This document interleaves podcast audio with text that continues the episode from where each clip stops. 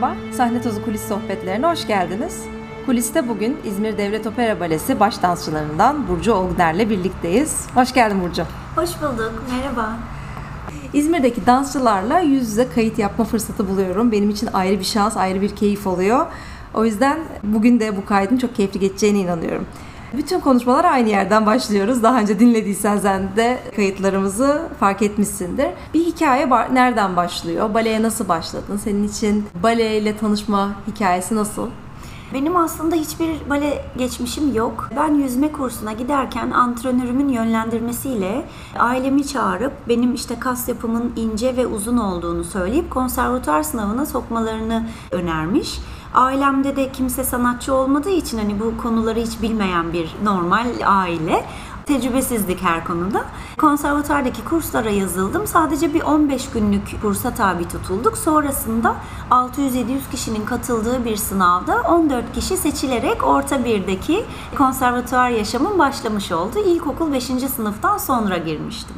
Farklı bir yaş. Hatta hep şey duyarız. Ortaokulda konservatuvara girmek çok zor bir şey. Yani çocuk balesinden girmenin daha kolay ama ortaokulda Evet. girmenin daha zor olduğunu hep söylerlerdi Evet. bize. O zamanki sistem o şekildeydi. Biz yani normal ilkokulu okuduktan sonra 5. sınıftan sonra orta birde alınıyordu. Öncesinde kursiyerlik belki vardı ama ben hiç bilmiyordum hani öyle bir şeyimiz de yoktu. ilgimiz hani merakımız. Girdim o sınava. Rus eğitmenlerin eşliğinde böyle bir 15 günlük deneme kursu vardı. Esnekliğe bakılıyordu. Anne babaların fiziğine bakılıp işte genetiği nasıl, kime benzer, kemik yapısı, herhangi bir işte daha önce geçirilmiş trafik kazası var mı? Çok detaylı, çok güzel bir elemeden geçmiştik. O şekilde orta bir itibariyle başlamış oldum macerama.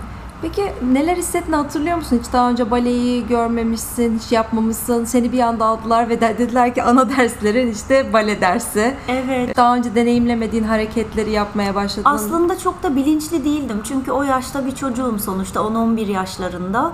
İnan hani ne yapıyorum, ne kadar ciddi bir şey kazandım ya da ne kadar önemli bir adım atıldı hiçbir fikrim yoktu. Orta 1, orta 2 bu şekilde ilerledi ama sanıyorum daha çok orta 3 ve liseye başlangıç döneminde biraz daha bilinçlendim. O da yaşın ilerlemesiyle ilgili galiba. O zaman işte o aşkla, o tutkuyla hani zorluklarıyla savaşmaya başlayınca ne kadar kıymetli olduğunu anlayıp o şekilde devam ettim diyebiliriz. Ama ilk 1-2 sene inan rüya gibiydi. Çok da bilinçli değildi benim için.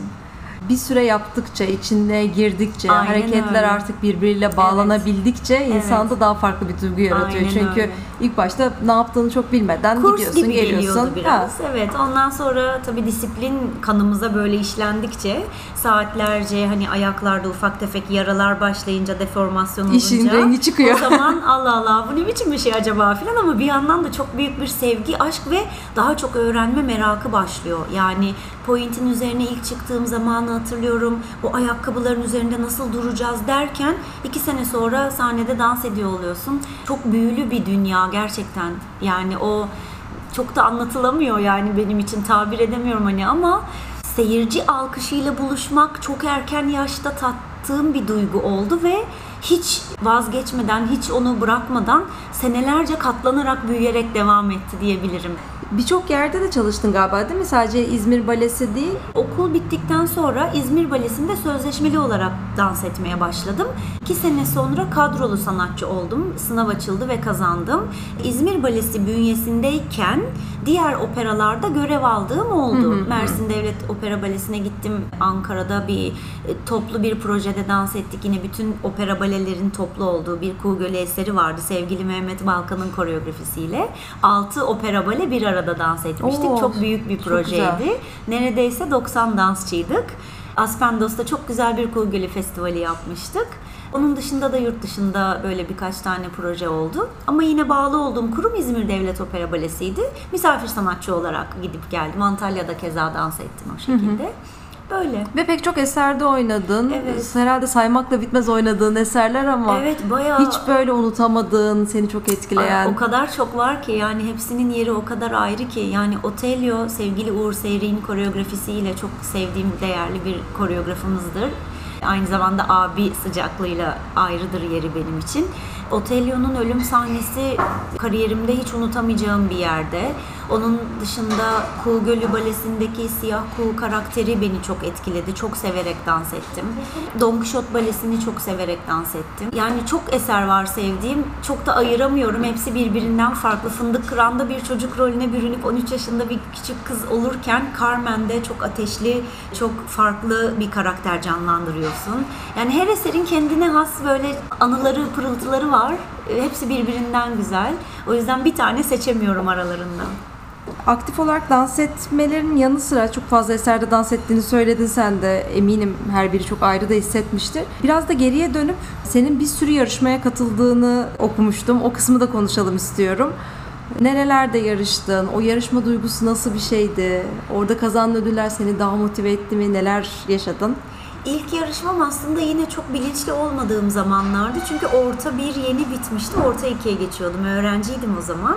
Rotary Kulübü'nün düzenlediği Genç Yetenekler Yarışması vardı. Orada bir birinciliğim olmuştu ama yine dediğim gibi çok bilinçli bir yaş olmadığı için hani onu anlamak ya da değerini bilmek çok böyle mümkün değildi. Ama tabii ki çok mutlu eden bir şeydi beni birinci seçilmek. Ondan sonra akabinde Rusya'da ve Bulgaristan'da olan uluslararası yarışmaya gidip orada biraz daha çerçeveyi büyüterek görmek istedik. Orası da tabii çok keyifli oldu. Tabii biraz hayal kırıklığı oldu. Çünkü oraya gelen katılımcıların yurt dışından çeşitli ülkelerden çok çok daha iyi dansçılar olduğunu görünce biraz tabii üzülmüştüm. Biz onlar kadar iyi değiliz diye böyle bir şey moduna geçmiştim hani psikolojik olarak. Ondan sonra tabii bu işin ne kadar sonsuz bir derya olduğunu anladım. Hiçbir zaman iyi olmakla bitmiyor ve sonuna kadar hani ben geldim burada öğrendim bitti olmadığını gördüm. Her zaman daha iyisi, daha fazlasının mümkün olduğunu gördüm. O zaman işte biraz bilinçlenip Orada gördüğüm çalışma tarzını, dansçıların ısınırken yaptığı hareketleri, bizim bilmediğimiz daha farklı çalışmaların olduğunu görüp onları kendimde denemeye başladım.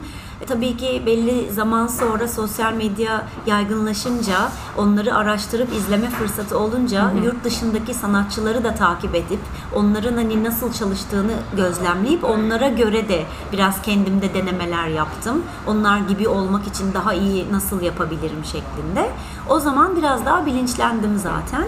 Sonra seneler ilerledikçe bir de İstanbul'da bir uluslararası bale yarışması düzenlenmişti. O zaman profesyonel hayata geçmiştim. Okul bitmişti. Opera balede çalışıyordum. O benim için çok daha lezzetli bir yarışma olmuştu. Çünkü anlarını daha net hatırlıyorum. Daha tecrübeliydim biraz daha birikmiş cebimde deneyimlerim vardı. Sahneye ve sahne tozuna biraz daha aslında alışmıştım diyebilirim. Daha benim için bilinçli bir yarışmaydı. İstanbul. Onda da bir üçüncülük ödülüm vardı. Ondan sonra katıldığım gala geceleri oldu. Hepsi tabii ki opera balede çalışırken profesyonel hayatta olduğu için daha deneyimli, daha tecrübeli, daha ayakları yere basan bir dansçı olarak katılmıştım. Onun da tadı bambaşkaydı. Tokyo'da dans ettim. Birçok ülke var. Hepsi yazıyor biyografimde. Şimdi tek tek hepsini toparlayamıyorum ama hepsinin yeri çok ayrı, çok farklıydı benim için. Ama tek bitmeyen bir şey var ki hala öğrenmeye devam ediyorum. 37 yaşındayım. 38'e giriyorum. Hiçbir zaman bitmiyor ve ben oldum diyemiyorsun. Çünkü hiçbir zaman olamıyorsun. Onu dediğin zaman zaten geçmiş olsun yani. Bir dansçı bitti ben oldum artık dediğinde e, çok yanlış bir yol izlemiş oluyor. Öğrenmeye hep açık olmak gerekiyor. Her zaman daha fazlası mümkün. Bunu bilmek gerekiyor. Ne kadar güzel söyledin. Şu an aslında dünya nereye gidiyor? İşte yurt dışındaki dansçılar hangi seviyelerde, neler yapıyorlar, hangi eserler oynuyorlar bunları izleyebilmek için çok da iyi fırsat sosyal medya. E, sen kimleri takip ediyorsun? Orada kimleri örnek alıyorsun kendine? Yani benim bir idolüm var ki gerçekten tapıyorum ona. Marianela Nunes. Pandemide Kesinlikle, ders de yaptınız değil mi? Kesinlikle onunla tanışma fırsatım olduğu için bize bu şansı veren Burcu Sürmeli Boravalı'ya buradan tekrar teşekkür ederim. Yani öyle güzel bağlantılar kurup bizi o kadar kıymetli sanatçılarla birleştirdi ki pandemide. Sadece o da değil yani birçok önemli insanla ders yapma fırsatımız oldu. Ama benim için Nunez'in yeri çok ayrı. Yani onun parmağını tutuşundan, dudağındaki mimik jestine kadar, gözünü kırpmasından, saçını toplama şekline kadar her şeyiyle böyle hani birebir örnek aldığım, çok beğendiğim bir sanatçı. Ama onun dışında çok çok iyi dansçılar var. Yani Osipova'ya bayılıyorum, Seminova'ya bayılıyorum, Iana Salenko'yu çok beğeniyorum, Silvi Gülyem'e bayılıyorum. Yani çok çok güzeller hepsi. Hepsinin tabii ki çok farklı özellikleri var. Birinde gördüğüm kolu kendimde deniyorum. Birinin dönüşündeki harekete bakıyorum, onu deniyorum. Hepsinden bir şey öğreniyorum ve kendime en uygun olanı bulmaya çalışıyorum. Hala öğreniyorum. Yani bu çok değerli bir şey. Ve o içimdeki sevgi, aşk bitmiyor. Bitmediği sürece de sağlığım da el verdiği sürece elimden geldiğince buna bu şekilde devam etmek istiyorum. Her yıl üzerine bir şey koyuyorum dansımın ve bu çok önemli bir gelişme bence bence. Çok da kıymetli. Bakalım seneye ne olacak, bakalım bu sene nasıl yorumlayacağım diye her eserin heyecanı her yıl yeni oluyor benim için. Sanki ilk kez sahneliyor gibi bir tabii, mutluluk tabii. hissediyorum. Kesinlikle. Bu arada sadece dans tekniğini geliştirmek değil de bazı insanların sanatçılığından da insan kendine çok şey katar sanata bakış açısı, sanatı geliştirmesi, kendini geliştirmesi konusundaki içindeki motivasyon falan.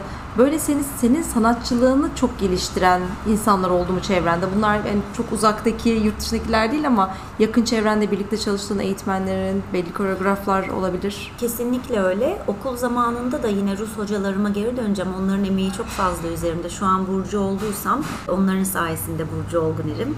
Bana hep şey derdi. Sadece iyi balerin olmak yetmez. Kafası boş bir balerin iyi balerin değil derdi. Kitap okumak, işte farklı kültürel etkinliklere katılmak çok kıymetli. Tiyatro ya da opera ya da konser. Bunu elimden geldiğince kurumda paslaşmayı çok seviyorum. Yani bir opera gösterisi olduğu zaman operaya gidip onu izlemeyi çok seviyorum. Ya da bir tiyatro olduğunda devlet tiyatrosuna gidip orada bir oyun izlemeyi çok seviyorum. Ama onların da bize gelmesini, böyle aramızda böyle bir devir daim olmasını, alışveriş olmasını çok seviyorum. Bazen mümkün olmuyor herkesi yanımızda görmek ya da bizden birilerini orada görmek. Ama elimden geldiğince ben bunu yapmaya çalışıyorum. Kitap okumayı seviyorum. Fırsat buldukça kendime terapi gibi yemek yapıyorum. Mutfağa girmeyi çok seviyorum. Köpeklerimle dolaşmayı çok seviyorum. Yani bale dışında normal hayatta ne yapıyorsun dersen bunlarla doldurabiliyorum yaşamımı. Bu özel bir şey bence. Yani herkesin başaramadığı bir şey. O yüzden kendime zaman ayırıyorum. Bu beni besliyor. Açıkçası motive de ediyor daha kültürlü ve daha dolu bir insan olmak için çalışıyorsun. Sadece iyi bir balerin olmak değil, biraz daha fazla bir şeyler olsun cebimde istiyorum. Bir sanatçının aslında sadece dans etmesi değil, aslında çok yönden kendini geliştirmesiyle ilişkili bir şey. Dediğin çok doğru. Yani dans ediyor olmak, çok iyi dans ediyor olmak önemli ama sanatçılık dediğin kavramda aslında daha çok yönlü kendini nasıl geliştiriyor olduğunda fark yaratan unsurlardan bir tanesi. Yani bir insana hakikaten sanatçı diyebilmek için birçok alanda da hakikaten sanata bakış açısının bir gözünün oluşması önemli. Ben sana bir de İzmir seyircisini de sorayım istiyorum. Seyirciyle çünkü etkileşiminin çok yüksek olduğunu, onlardan çok enerji aldığını biliyorum. Hem İzmirli seyircilerin sanata genel olarak düşkünlüğü nasıl? Hem de sen onlardan nasıl besleniyorsun? Onların enerjisinden nasıl etkileniyorsun? O kısmı da bir anlatsana bize. Yani aslında tek cümleyle bunu özetleyebilirim. İzmir seyircisi ailem gibi. Gerçekten. Yani Elhamra sahnesinde dans ederken 500 kişi, Bornova sahnesinde 1000 kişi gerçekten ailem gibi. Çünkü bir süre sonra onlarla duygusal bağ kuruyorum ve 16 yıl mı oldu bilmiyorum yani 15 yılı devirdiğimi biliyorum. Beni ilk geldiğim günden beri takip eden aileler, çocuklar, anneler, babalar yani çok kıymetli seyircilerim var. Onlarla zaten dışarıda buluşup yemekler yiyorum, işte kahve içiyorum. Her temsilime geliyorlar. Bir gece de değil, üç gece oynuyorsam üçüne de gelenler de var. Yani yurt dışında gala gecesine davet edildiğimde benimle yurt dışına gelen bile seyircim vardı yani eşiyle oh, beraber. Ya o kadar keyifli bir duygu ki bütün sakatlığımı, yorgunluğumu, mutsuzluğumu, sahnede herhangi bir şey ters gittiğinde her şeyi unutturuyor bana. Çünkü alkışlama bölümünde, selam bölümünde onların enerjisi, sesleri, çığlıkları, bravoları ve sonrasında fuayede sanatçıların işte tebrikleri canlı aldığı yerde e, yüz yüze tanışma fırsatı olup daha ilk defa bir seyirciye dokunmanın verdiği mutluluk her şeye değer oluyor. Yani o benim için çok özel ve hiç bırakmayan insanlar var beni gerçekten 15 yıldır. Çok güzel bir duygu. Çok bunu anlatamıyorum ama hani onların çocukları benim çocuğum gibi oluyor. Bana sarılışları falan yani en değerli şey çocuklar bence bu hayatta. Çünkü onlar bizim geleceğimiz, geleceğin sanatçıları. Çok kıymetliler eğer minicik bir dokunuş yapabiliyorsak onlara, baleyi sevdirebiliyorsak, yani bin kişiden tabii ki hepsi sevecek diye bir şey yok ama içlerinden belki 10 çocuğa bale aşkını aşılayabiliyorsak bu bence çok büyük kazanç diye düşünüyorum. İzleyiciler çok bambaşka bir enerji duyuyorlar. Ve çok, çok heyecanlanıyorlar. biliyor musun? Sadece bale izliyor diye gelip böyle oturmuyor yani artık Tabii, bilinçleniyorlar bir süre sonra. Eksikleri, hataları ya da işte Burcu Hanım dans ederken işte şöyle oldu, biz gördük böyle oldu falan diye temsil çıkışı böyle onlarla kritik yapıyoruz O da sana beraber. ekstra sorumluluk tabii yapıyor tabii ki o üstüne. kadar güzel ki yani hasta mıydınız, bir şeyiniz mi vardı işte ikinci perde şöyle oldu, böyle oldu falan.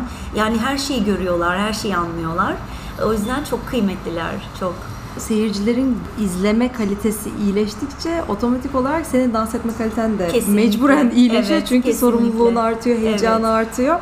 İzleyicilerin hakikaten böyle bir daha bilinçli, daha anlayarak, dansçıları tanıyarak, takip ederek Öyle, izlemesinin gerçekten. çok değerli olduğunu düşünüyorum. Yani ben de Ankara Balesi'yle büyüdüm. Evet. Ankara Balesi'ndeki her bir Ne dansçıyı tek güzel. tek biliyordum. Şimdi mesela İzmir'e geldim. İzmir'deki dansçıları tanımaya başladım. Evet. Bence de iyi bir etkileşim oluyor. İşte dediğin gibi o zorlukları, sakatlıkları falan hep unutturuyorsun. Evet, aynen. Galiba Burcu Hoca'dan duymuştum. En son senin Notre Dame'da izlediğimde de senin ayağında bir ağrım vardı. Sıkıntılıymışsın bayağı. Evet. Balede de çok olası şeyler. Özellikle de pandemi sonrası duyuyorum birçok insandan. Çok Sakatlıkların çok verdik. arttığı Maalesef. da oldu. Çünkü bir buçuk sene neredeyse ayağımıza point giyemedik, sahneye çıkamadık. Bale dersi yaptık evde ama ev şartlarında ne kadar mümkündü. olmuyordu. O yüzden bazılarımızın yeni sakatlıkları oluştu. Bazılarımızın da önceden olan sakatlıkları gün Tekrar. yüzüne çıkmış oldu. Hmm. O yüzden dönüşte yani pandemi bitiminde sahneye dönüşte çok dikkatli, çok özenli çalıştık ama hepimizin ufak tefek bir şeyler patladı yani. Peki öyle sakatlıkların olduğunda sonuçta bir ağrım var. Sadece yatıp dinlenmek istiyorsun.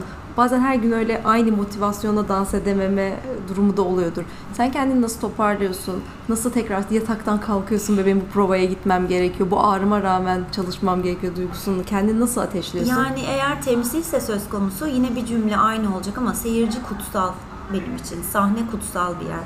Orayı kendi keyfim için öteleyemiyorum ya da sakatım ben bir yerim ağrıyor şöyle ol ben çıkamayacağım yapamayacağım demek bana ayıp geliyor. Yani öyle bir disiplinle eğitildim ki bu konuda ayağın da kopsa bileğin de dönse bir şey de olsa devam etmek zorundasın aşılandığı için bizim beynimize öyle işlendiği için ben onu hiçbir zaman bırakan bir dansçı olamadım. Notre Dame'da ayağımda evet çok ciddi bir sakatlık vardı. Belki de üzerine gidip temsil yapmamam gerekiyordu ama iptal edilmesine gönlüm el vermediği için kortizon oldum o noktadan. Kemiğimden su çekildi, enjekteler bir şeyler ama akşam yine temsile çıktım, perdeyi açtım. Çünkü öyle büyüdüm. Çok kötüyüm, dans edemeyeceğim demedim. Carmen'de de son dans ettiğim iki temsilden bir tanesinde bir gün önce genel provada darbe almıştım karın bölgeme. Orada bir yırtıktan şüphelenildi falan. Temsile çıkamama durumum olmuştu.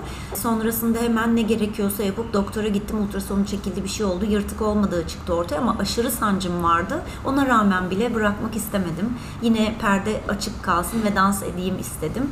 Evet çok zor geçti çünkü çok sancım vardı bir şekilde bazı hareketleri değiştirerek biraz kolaylaştırarak yine hani seyirciyi evine göndermek istemedim. O başka bir şey benim için. Çok kutsal görüyorum. Yani ibadet gibi biraz aslında. Ne? Sahnede olmam gerekiyor. İşte- Şımarıklık gibi algılıyorum ben onu. Yapamayacağım. Çok hastayım. Bana göre değil. Zaten bu işin doğasıyla büyüdüğün Evet, için evet, zaten bu işin bir değil. parçası Evet, gibi onun evet. acıları da Aynen yönetmek. öyle, evet. Ama şeyi söyleyeyim yani hiç mesela senin o sahnede ayağında o kadar büyük bir problem olmasına rağmen biz izlerken hiç aklımıza öyle bir şey gelmedi. İşte mesela onu o hiç yansıtmamak, hiç bilmiyorum. onu yansıtmamak süper. Evet o tuhaf bir şey. Yine içimde bir şey ama yani ne olduğunu bilmiyorum. Onu içimde yani o. Bilmiyorum. Belki sahne tozudur o. o Belki yüzden sahne, sahne tozu tozudur. tanımını da Evet, alırsan evet. belki oradan Aynen bağlayabiliriz. öyle. Evet. Sahne tozu tanımın ne? Ya benim için vazgeçilmez kelimesi uygun ya da bir tutku diyebilirim ya da bir bağımlılık diyebilirim. Yani damarlarımda geziyor kısaca. Ondan ayrılamıyorum, kopamıyorum yani. Vazgeçilmez diyebiliriz. Ona bir kere zaten muhtemelen o duyguya yakın girince, Evet. sahne tozunu bir kere yutunca işte Evet, vazgeçememenin etkisi o. Bağımlısı oluyorsun yani ben öyle düşünüyorum. Damarlarımda geziyor şu an gerçekten zehir gibi. Kanına bir kere girdi mi geçmiş olsun artık bir daha bırakması çok zor. İyi ki de bırakmıyor bizi. Bırakmadığı için bugün burada seninle birlikte bu Evet. sohbeti yaptık. Çok teşekkür ederim. Ben teşekkür ederim. çok güzel işler yapıyorsunuz. Sahnede izlerken ben çok keyif aldım. Seni görür görmez çok beğendim ve hemen zaten iletişime geçmek istedim. Sen de kırmadın beni bu sohbete Ne geldin. demek ben çok teşekkür ederim. Çok çok mutlu oldum. Çok da gurur duydum, onur duydum. Böyle bir şey yaptığın için çok da tebrik ederim. Harika bir anı bıraktın bize bence. Her sanatçının olması gereken bir arşiv bence bu. Umarım devamı da gelecek. Ben Kesinlikle. de elimden geldiği kadar tüm sanatçıları böyle ağırlamaya çalışıyorum. Sahnelerde de sizi izlemeye devam etmeyi istiyorum. Çok teşekkürler. Ben de çok teşekkür ediyorum. Görüşmek üzere. Sahne Tozu Kulis Sohbetlerinin bölümlerini Instagram ve Patreon sayfalarından takip edebilirsiniz.